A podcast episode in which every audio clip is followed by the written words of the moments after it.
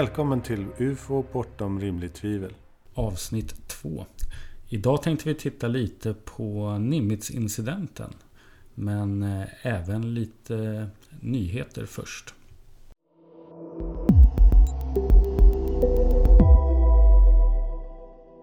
Deputy Secretary of Defense, som är rakt underställd USAs försvarsminister, har gått ut med ett PM om att man ska helt enkelt styra upp alla myndigheter om att efterleva rapporteringen om UAP enligt rapporten från UAP Task Force som vi pratade om i förra avsnittet. Och Peter, du har lite nyheter om den hemligstämplade delen av rapporten. Ja, det stämmer bra. Eh, det som jag har hört när folk har då uttalat sig på olika sätt om den här hemligstämplade delen då, då det är ju dels Bill Nelson som är då NASAs nya chef kan man säga. Som han uttalade sig och sa att hans hår ställdes upp i nacken när han fick se den hemlighetsstämplade delen. Och då kan man också tänka på en, en annan läcka som har sagt då, då att eh, den hemligstämplade delen innehåller då ungefär 10 gånger så många sidor som den officiella delen. Och i de här i den hemligstämplade delen så ingick även 14 videos. 14 filmer som vi ännu inte fått se. Då, då. Och de som har uttalat sig om det här, de senatorerna som har då uttalat sig i kongressen och det har man sett, beskriver det som 30-40 minuter av ren science fiction. Så det här är ju ganska väldigt intressant. Jag hoppas på att vi kommer få se kanske någon av de här filmerna längre fram. Som bekant så var det mycket som inte var med i rapporten. Och eh, både CIA och NORAD till exempel lös upp den med sin eh, frånvaro. CIA vet de flesta vad det är för någonting. NORAD kan man kalla för Nordamerika, i alla fall USA och Kanadas eh, försvarssystem för angrepp från luften i form av eh, ballistiska robotar och missiler. Och även så att de lyssnar inte på ord som UFO eller UAP. De har en egen förkortning och ehm, de är väldigt hemlighetsfulla och frånvarande i UFO-världen. Och eh, en till sak som då fanns i den här hemlighetsstämplade delen. Det var lite när man tittade på att utesluta amerikanska hemliga program. Då, då. Så då tittade man och gick igenom bland annat uh, olika typer av framdrivning. Då, då, bland annat Anti-Gravity Propulsion Systems, Antimatter Propulsion Systems. Eh, och annat utvecklat av DARPA bland annat. Då. Det är alltså amerikanska arméns eh, forskningsinstitut för high tech. Det senaste inom teknik kan man säga. Då, och på, genom att man då har gått ut med det här och alla de här hemligstämplade programmen så kan man alltså utesluta att det handlar om någon typ av hemlig amerikansk teknik. Vad står DARPA för? DARPA står för Defense Advanced Research Project Agency.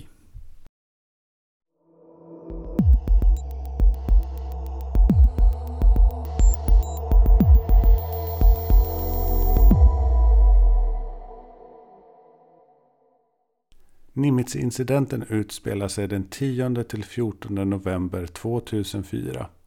Ute till havs väster om San Diego i södra Kalifornien och söder om Los Angeles. Kring öarna Santa Catalina och San Clemente Island. Jag tycker ju att det viktiga med Nimitz-incidenten är att det finns så goda vittnesmål av trovärdiga observatörer. Eh, men Peter, du tycker att eh, det snarare är datan som är det väsentliga. Ja, det stämmer bra. Jag, eh, jag fastnade för just att eh, de här händelserna har då fångats på flertalet olika tekniska plattformar, militära plattformar som ser det här föremålet samtidigt. Det tycker jag är eh, fruktansvärt intressant. Incidenten har fått namn efter USS Nimitz, det hangarfartyg som piloterna i fråga har utgått från. USS Nimitz ingår i Carrier Strike Group 11, en flottgrupp, en amerikansk flottilj med flertalet fartyg och ubåtar. Vissa av dem är kärnvapenbestyckade och vissa av dem drivs av kärnreaktorer. Mellan den 10 och 14 november så görs en rad olika vittnesmål på olika sätt och en av dem är Omar Lara som jobbar på flygdäcket på USS Nimitz. Han jobbar med bränsle och en lugn och fin sen San Diego-kväll så ropas det helt plötsligt ut man över bord. Och Lara ser mannen i vattnet med en blinkande stråbljus som ligger och guppar och naturligtvis ska han räddas. Det är ungefär en 30-50 personer närvarande på grund av detta och från himlen så dyker det ner som ett stjärnfall fast det är ett ljus som inte faller isär och som stannar strax ovanför horisonten ett par kilometer bortom mannen i vattnet. Personerna som riktar en strålkastare mot mannen i vattnet ser detta och riktar istället strålkastaren mot det här ljuset. Laura beskriver ljuset som vitt och fint och porslinslikt. And his strobe lights flashing and I'm standing out there on the aft end of the ship which is the back end of the aircraft carrier. And uh, without any warning, this white evolution evolution object shoots down out from the sky, comes down like a shooting star. And when you see a shooting star, they tend to almost break up and disseminate. You know what I mean? They slow down and disseminate. But this thing just kept coming down at an angle, and it just stopped right in between the horizon and the calm ocean. It was a nice, clear night, so this thing stuck out like a sore thumb, and it was just white, bright object, and it sat there for about eight to fifteen seconds between uh, uh, behind the sailors. So I'm not saying it was directly above them or behind them, but it was still a distance from the sailor overboard. And he, it was nowhere near the, the sailor that was overboard. His strobe light was still flashing, and between those eight to 15 seconds, uh, while the deck department was still struggling to remove the rig boat from the Nimitz. One of the uh, sailors that were on that sponson with the rig boat literally turned the spotlight to try to illuminate this object. So those there was a witness there as well. And as he turned to try to illuminate it, it lasted maybe two to three seconds after he did that, and it went back to the sailor. And then maybe a few seconds shortly after that, that's when the object took off at an incredible speed, just as fast as it came down. It went right and it went left, but at an angle, maybe at an acute angle or a 90 degree angle. And at that moment, it just shot right back up into space where it came from. And when I mean shot right back up, I don't mean as in as you would witness a space shuttle launch you know, you could still see exhaust fumes, and the space shuttle is traveling at an incredible speed, but you can still fo- generally follow it with your eyesight. But with the movement of this object, you literally have to move your torso, and you have to look up just to keep up with this thing. And there was no sonic boom, no no trail whatsoever, and it just took off as fast as anything I've ever seen on this, faster than anything I've ever seen on this planet. Fire Controlman Officer Gary Warhees berättar. So they took the entire system down, they calibrated everything, brought it back up, and the only thing it did was make the tracks clear, more clear. So then at that point, you know, they knew that they were actually tracking objects. And for uh, well, it's 14 years ago, so it was between three and five days. We tracked a bunch of unknown aircraft, and then at a certain point, we did a F-18 interrogation of it. And I remember because uh, all week we've you know we've been looking at these things through the big eyes. We've got our own personal binoculars. We've been staring at these things flying around and you know, I mean, it was uh, everybody was kind of, yeah. Some people were excited. Some people didn't know about it because I mean, a lot of the information was still classified. You know, so I mean, we didn't, you know, obviously we weren't telling the deck seaman about you know the unknowns we're tracking. In the dark about exactly what we were dealing with, and then the day they did the intercept, uh, everybody with a clearance was sitting in, in somewhere where there was a, a link to the land, and we were all watching the actual interrogation as it was happening. And I remember it was it was just uh, you know it was absolutely amazing. You know, we, we seeing these things up close. It's one thing to see it from a heck of a distance through the big eyes, and the big eyes are pretty good binoculars, and we still you still couldn't quite grasp the shape. So you, you knew that it was there, and that's why they were called tic tacs, but you couldn't grasp the shape or the design or the way that it looked. And in the video, you could see it. You know, you could see the way that they looked. You see the way that it moved, that it actually changed shapes, and you know, it it was just the oddest thing.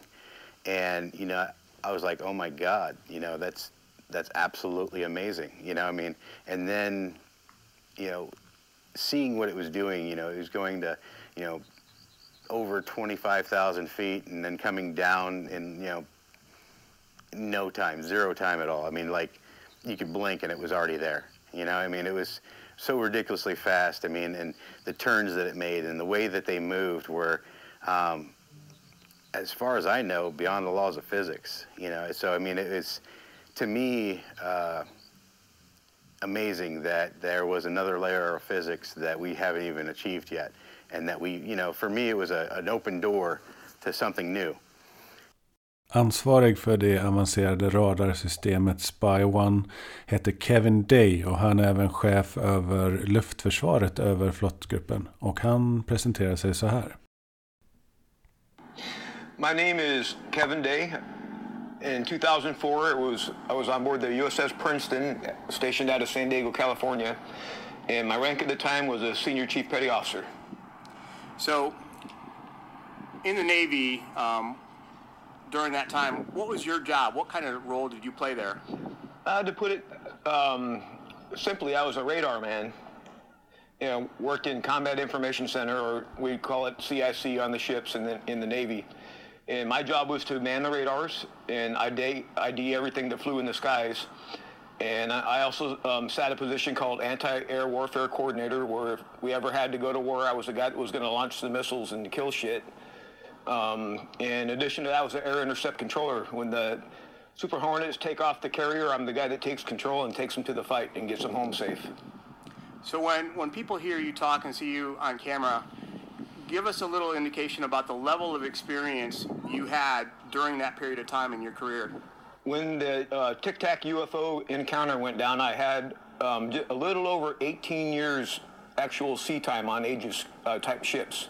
And the Aegis ship is um, our newest uh, weapons system afloat. And um, it's got the Spy 1 radar system, uh, phased array radar system, and I was an, an expert on that. So take us back in time to that week in November 10th-ish, around there, when you, you first became aware of something was going on. Maybe describe that scenario. Yeah, I was I was on watch. I was actually um, sitting anti-air warfare coordinator AAWC is what we called it, and we were probably 100 miles. I forget how far exactly that day we were off the coast of San Diego southwest, um, kind of off the coast of Mexico Baja, and I started to notice um, these weird tracks that were popping onto my radar coverage right about on San Clemente Island. And the reason why I say they were weird because they were appearing in groups of five to ten at a time and they were pretty closely spaced to each other. And they were 28,000 feet going 100 knots tracking south. And in the back of my mind, I'm thinking, you know, that's kind of odd. I mean, what? I don't know anything that flies like that. They weren't on the com air routes, the commercial air, airline routes. Um, I wasn't really that concerned about them. I didn't consider them hostile for any any reason at all. And over the course of uh, three, four days, it, probably counted up to that point um, groups of five to 10 at a time. There were probably 50, 60 tracks by then. Different, maybe they were the same objects repeating the uh, cycle, or maybe they were different objects. We don't know. And when you saw these it wasn't as if klaxons went off in there and you know red lights start flashing and everyone's running around. Oh, as a matter of fact, um, the technicians they they were they actually shut down the radar. They were doing uh, diagnostic tests on everything we had to make sure it was not a system malfunction, and it turned out that it wasn't. These were actually real objects. Um, I had the spy, the highest spy track quality possible on these on these contacts the whole time. And my concern, of course, was safety of flight. So when Captain Smith comes down to uh, CIC, I said, sir, you know, we've been tracking these for several days. I have no earthly idea what they are, and no one in combat knows what they are. And I highly recommend we send aircraft out there and intercept one and ID these things because if we don't and we launch aircraft into this mess and there's a air-to-air mishap of some kind, somebody's going to ask us why we weren't more curious. I luften vid tillfället är även ett så kallat E2 Hawkeye-plan. Ett propellerplan med en gigantisk radardisk ovanpå. Och den här eh, används som ett radarspaningsflygplan och eh, radarn når 1500 nautiska mil vilket är ungefär 2800 kilometer. Kevin Day hade för avsikt att låta Hawkeye-planet styra de båda Hornet-planen mot eh, ufot. Men det här avancerade spaningsflygplanet får ingen träff på ufot utan de eh, förlitar sig enbart på den avancerade Spy One-radarn på Princeton. Um, seeing these contacts, um, Captain Smith orders me to intercept one of them. So I just I, I went back to the console. I picked the closest one that was to us, and I was gonna I had intended to let the Hawkeye do the intercept because they already had control. It was just easier. But because they didn't have a good radar picture, I took control of the aircraft and turned out to be Commander Fravor's uh, flight. He was actually the, the CEO of the VFA 1, uh, 41, the Black Aces squadron.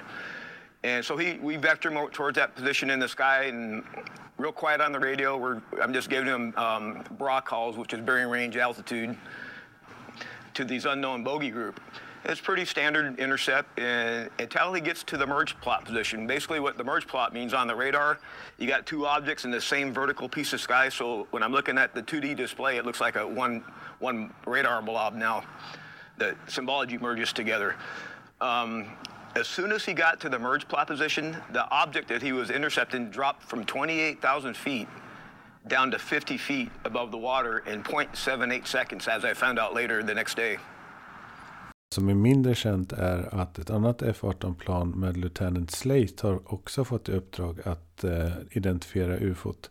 Och han hinner se en störning under vattenytan, någonting som ser ut som ett objekt under vattnet. Men därefter får han avbryt och Commander David Fravor tar över. The exercise that we're going to do is an air defense exercise. And we're going to work with the USS Princeton, which is going to be the controller. And they're going to control the blue forces So the Marines take off first and they start heading to the south. Now, we have no idea that for two weeks, this, the two weeks we've been at sea, they've been tracking these things coming out of the sky.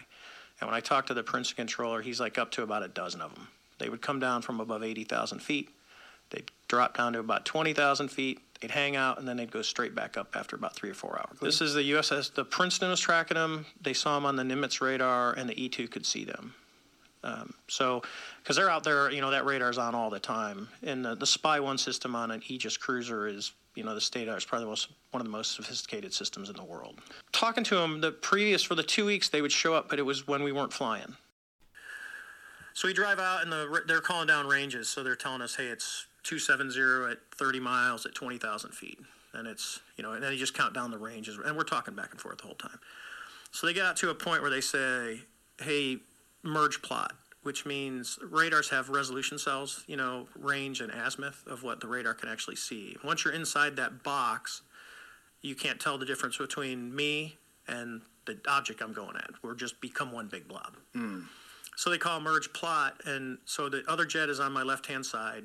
Um, around, we we look to the right, and there's a. it was yesterday was a perfect example out here. The water is perfectly calm no white caps. I mean, it's literally a perfect San Diego, California day. And we see whitewater, something like if you see a seamount, you know, rock underwater when you're standing on the shore and the waves are breaking over it, and you're like, what is that? It's usually because there's a rock under the water.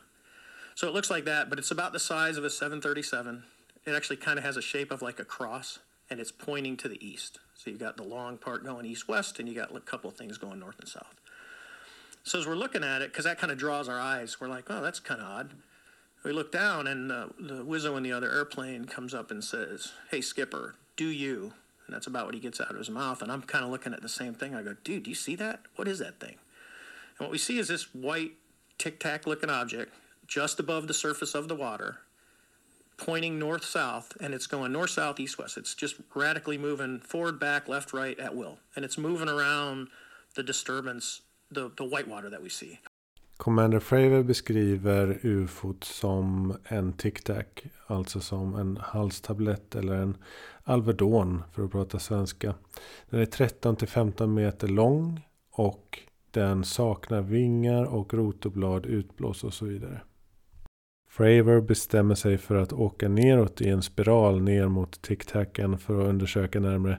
Medan hans kollega Dietrich stannar ovanför för att observera. Då börjar tic-tacen reagera på honom och åker i en korkskruv uppåt mot honom. Medan han själv åker i en korkskruv neråt. Och till slut bestämmer sig Fravor för att sätta nosen rakt över spiralen för att möta tic-tacen. Och i samma sekund så puff så försvinner tic-tacen. Det finns även uppgifter om att de ser den lämna bort i horisonten på en till två sekunder. Ett par fem sekunder senare så dyker tic-tacen upp på radarskärmarna på en återsamlingsplats 60 miles bort. Vilket är alltså 10 mil bort. 100 kilometer. Och den har alltså rört sig dit på ett par 3 till 5 sekunder max. Och någonstans i denna röran så har även Hawkeye-planet ovanför fått besök. Där alla fem flygarna har sett tic-tacen på ganska nära håll. Där den har åkt upp och eh, åkt följe med dem på deras ena sida. Visserligen försvinner den efter bara en kort, kort stund. Några sekunder. Men de hinner alla titta ut och se den. Patrick Hughes som är ansvarig för Hawkeye-planets datalagring vittnar om att Hawkeye-personalen har allihopa sett tic-tacen. Vad som händer sen är att Fravers båda plan åker och landar på Nimitz.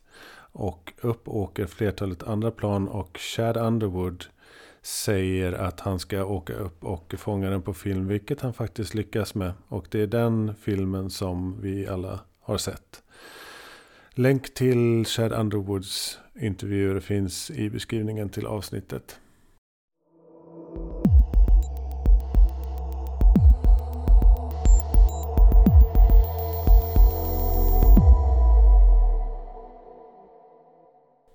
Som kriminalinspektör skulle jag vilja hävda att de här vittnena går att lita på. De är trovärdiga i sina berättelser. De har tillförlitligheten i och med all deras utbildning, all deras erfarenhet och testning.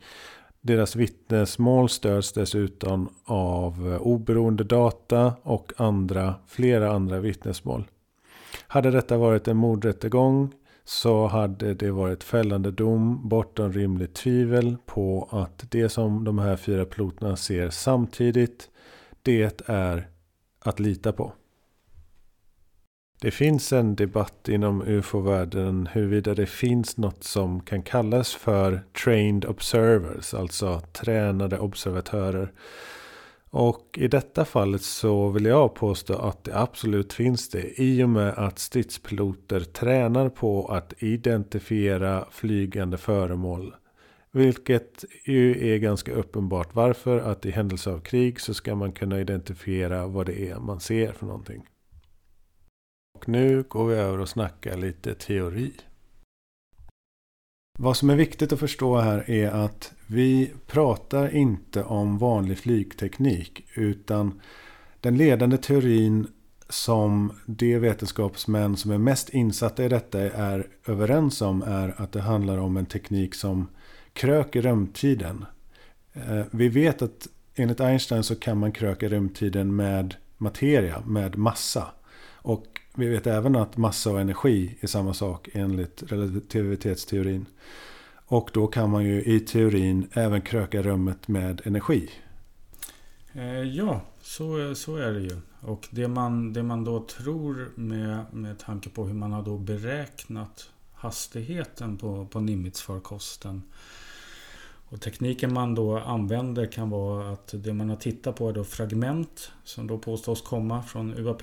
Och där man då har sett en viss teknik för att bygga, man kan säga enkelt uttryckt att man 3D-printar på atomnivå. Och det skapar då en, vad man har sett, en så kallad wave, en waveguide då i det här metamaterialet. Som i då teorin skulle fungera att du den förstärker den energin du eh, trycker in helt enkelt. Och på så sätt ska du då kunna på något sätt kunna alstra den här energin som krävs för att då kunna utföra de här otroliga energislukande manövrarna. Flera hundra G är ju lågt räknat, eller hur? Oh ja, eh, man har gjort olika räkningar då, eh, framförallt då inom SCU och deras rapport. När man tittat på det här. Där man då har utgått från tre, tre olika fall egentligen för att kunna då räkna ut hastighet och G-kraft.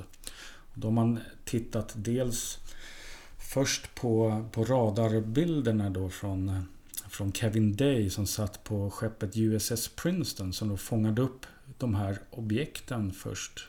Man ska väl kunna säga att han har då fångat upp de här objekten i ett par veckors tid. Och då har han alltså sett de här objekten på 80 000 fot, för det är så högt radarn når. Och sen har de här droppat ner till deras övningsområde i luften ner på mellan 26 000 fot och 28 000 fot där någonstans på 0,78 sekunder. Så även om SU har då beräknat worst case scenario och best case scenario kan man väl säga i, i den här hastigheten. Och då har man kommit upp till ett antal tusen G också. Väldigt många tusen G. Eh, men eftersom man vill ha ett spann att räkna på då, då med tanke på den mänskliga faktorn också. Så, men oavsett så handlar det om otroliga G-krafter som det finns en chans att en människa klarar av. Peter, kan du berätta vad är det som gör att de här föremålen drivs fram? Eh, ja, det man tror eh, att det handlar om det är egentligen ganska enkel fysik. Vanlig relativitetsteorin då, inte ens den särskilda relativitetsteorin.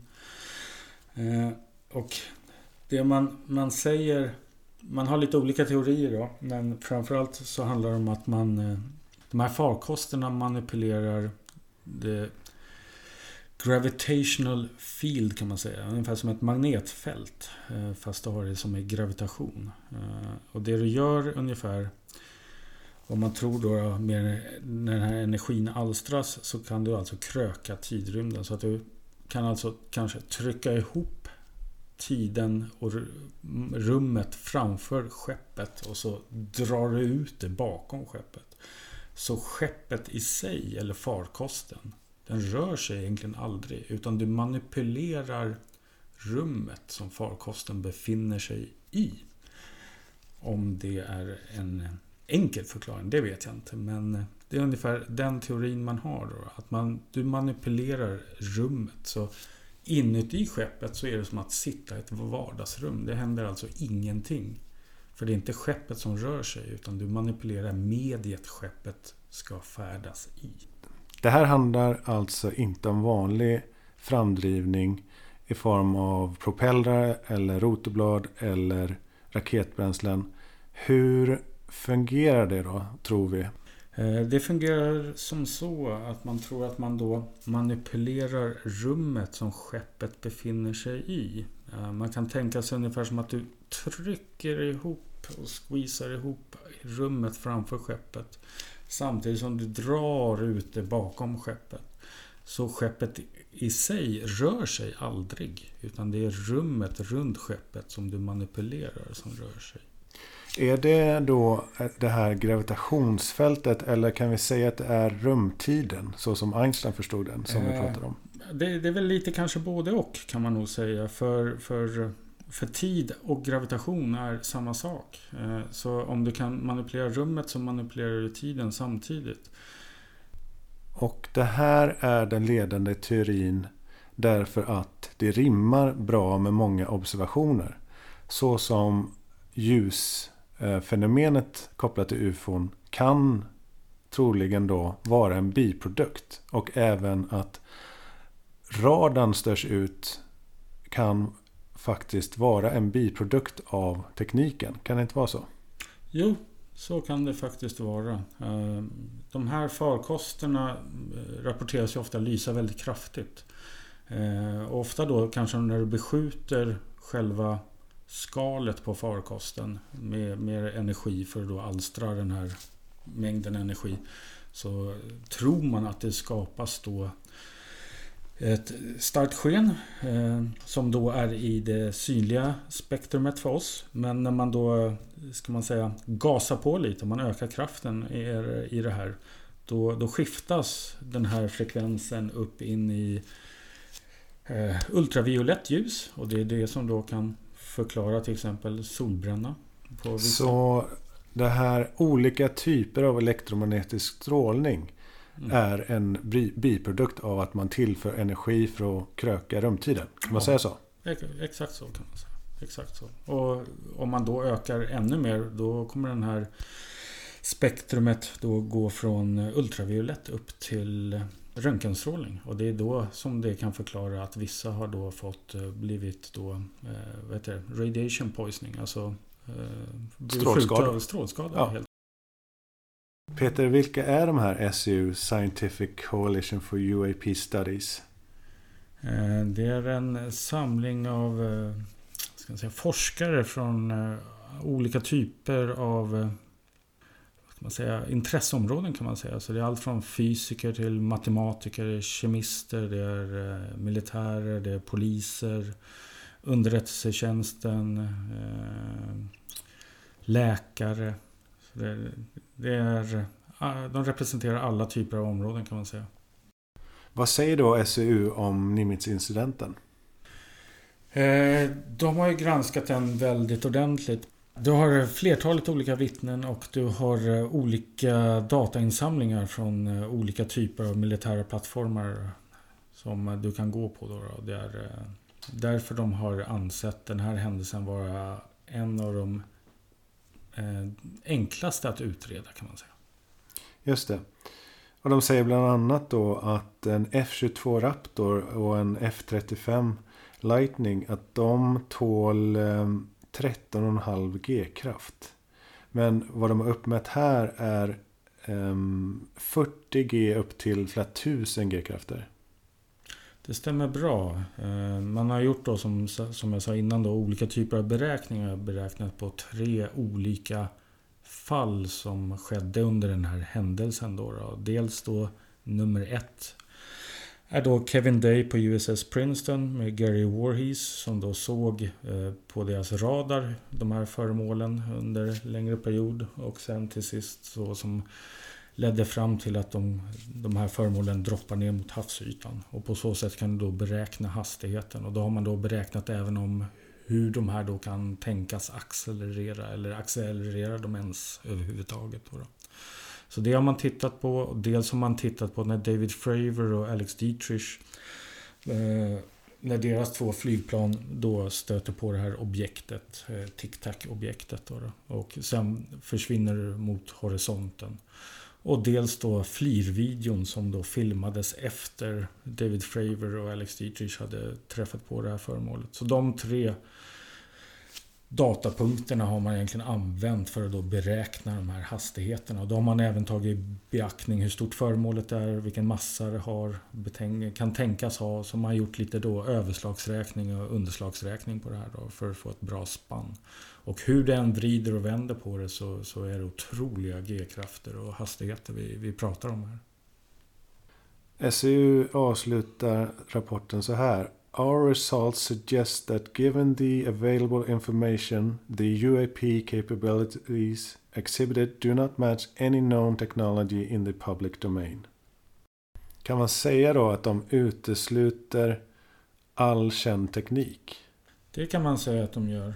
Eh, skulle vi alltså alstra den typen av energi för att få en farkost att åka så här så skulle vi behöva alstra mer energi på ett par minuter än vad vi gör på hela jordklotet under ett, ett års tid. Så jag menar, den energin, vi, vi pratar alltså om en, en farkost som drivs med en energimängd motsvarande en kärnvapenstridsspets i sekunden. Eh, det är en ganska otrolig energimängd.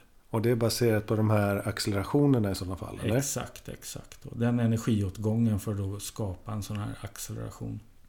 Och det är väl ganska enkelt för en eh, professionell vetenskapsman att räkna på detta? Ja, det är vanlig standardmatematik helt enkelt. Ja. Och sen har ju även eh, den kända fysikern Eric Davis uttalat sig om det här och han jobbade då som konsult till ATIP, Advanced Aerospace Threat Identification Program. Eh, och de har undersökt då det här tic-tac-objektet. Eh, eh, och det han också säger är att det finns inte en chans att det här är skapat av människor. Vi har inte den här tekniken. Den teknik vi har idag med, med datachip, kretskort, artificiell intelligens och så vidare. Den klarar inte ens av de här hastigheterna utan vår teknik går sönder. Den är för, för ömtålig helt enkelt för att klara av sådana här hastigheter. Amerikanska myndigheter gjorde 2009 en rapport om TicTac-incidenten.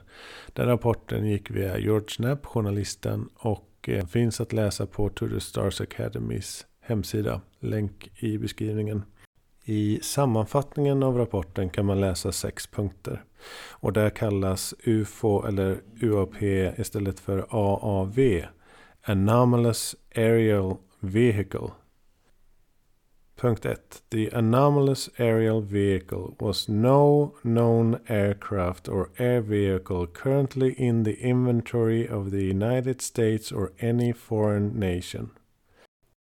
Punkt 2. The AAV exhibited advanced low observable characteristics at multiple radar bands, rendering US radar based engagement capabilities ineffective. Punkt 3. The AAV exhibited advanced aerodynamic performance with no visible control surfaces and no visible means to generate lift. The AAV exhibited advanced propulsion capability by demonstrating the ability to remain stationary with little to no variation in altitude, transitioning to horizontal and or vertical velocities far greater than any known aerial vehicle with little to no visible signature. Den femte punkten lyder The AAV possibly demonstrated the ability to cloak or become invisible to the human eye or human observation. Sista punkten. The AAV possibly demonstrated a highly advanced capability to operate undersea completely undetected by our most advanced sensors. För att få en god överblick över händelsen så rekommenderar jag varmt att gå in på Youtube-kanalen The Nimitz Encounters. Där finns en 32 minuter lång sammanfattning och visualisering av händelsen. Det finns även en hel del intervjuer. Den noggranne kan i materialet notera att tidsaspekten 0,78 sekunder återkommer. Och det är troligen en begränsning av radarsystemet som inte kan mäta med kortare intervall än så. Filmen från Nimitz-incidenten kallas för Fleer One och den visar hur denna tic-tac flyger omkring. Men Jason Turner från USS Princeton berättar om vad han såg för film då när det begav sig. The video you see now, that's just a small snippet in the beginning of the, the whole video. And you're seeing smooth little turns lefts and rights, but this thing, it was so much more than what you see in this video. Now, the quality wise, was it different than what you see now? Yes. The, the quality of it was very clear. Tack för denna gången och passa på att dyka ner i alla källhänvisningar och länkar i avsnittets beskrivning.